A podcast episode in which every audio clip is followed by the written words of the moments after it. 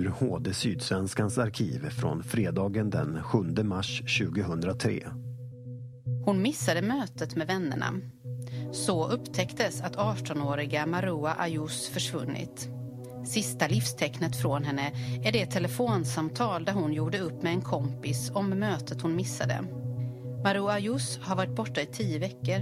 Hennes bankkonton har inte använts på den tiden och polisen har inga ledtrådar efter henne. Du, du får komma hit, jag har nu hittat ett lik, sa jag. Eh, Kolla här på de här långa hårstråna liksom. Det måste ju vara en människa ju. Det var ju en märklig plats ju som jag fick någon nästan sakralt, alltså, alltså någon form av en begravningsplats. När hon började gymnasiet, det var väl där det började gå lite snett skulle jag vilja säga. Det blev ett helt annat umgänge. Likhundar har en möjlighet att känna liklukt kanske 10, 20, 30 år tillbaka i tiden. Det, det är ett helt annat liv. Jag kommer aldrig gå tillbaka till, till den livsstilen igen. Aldrig. Det finns människor som sitter på, på så att säga, uppgifter här och de lever med sina demoner kan jag säga. Det är en av de mest makabra händelserna i Skåne på senare år.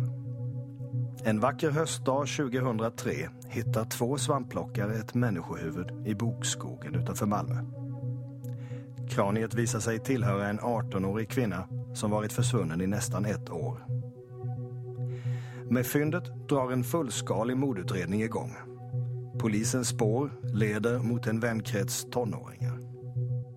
Men än idag har kvinnans familj inte kunnat hålla begravning. Resten av kroppen är fortfarande försvunnen.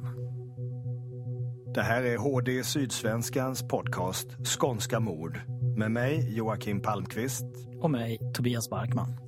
Vi granskar mordfallen som skakat Skåne.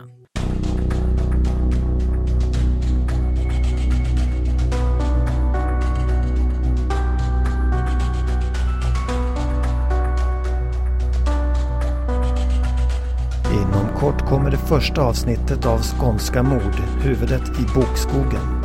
Sätt en prenumeration i din podcastspelare så missar du inget.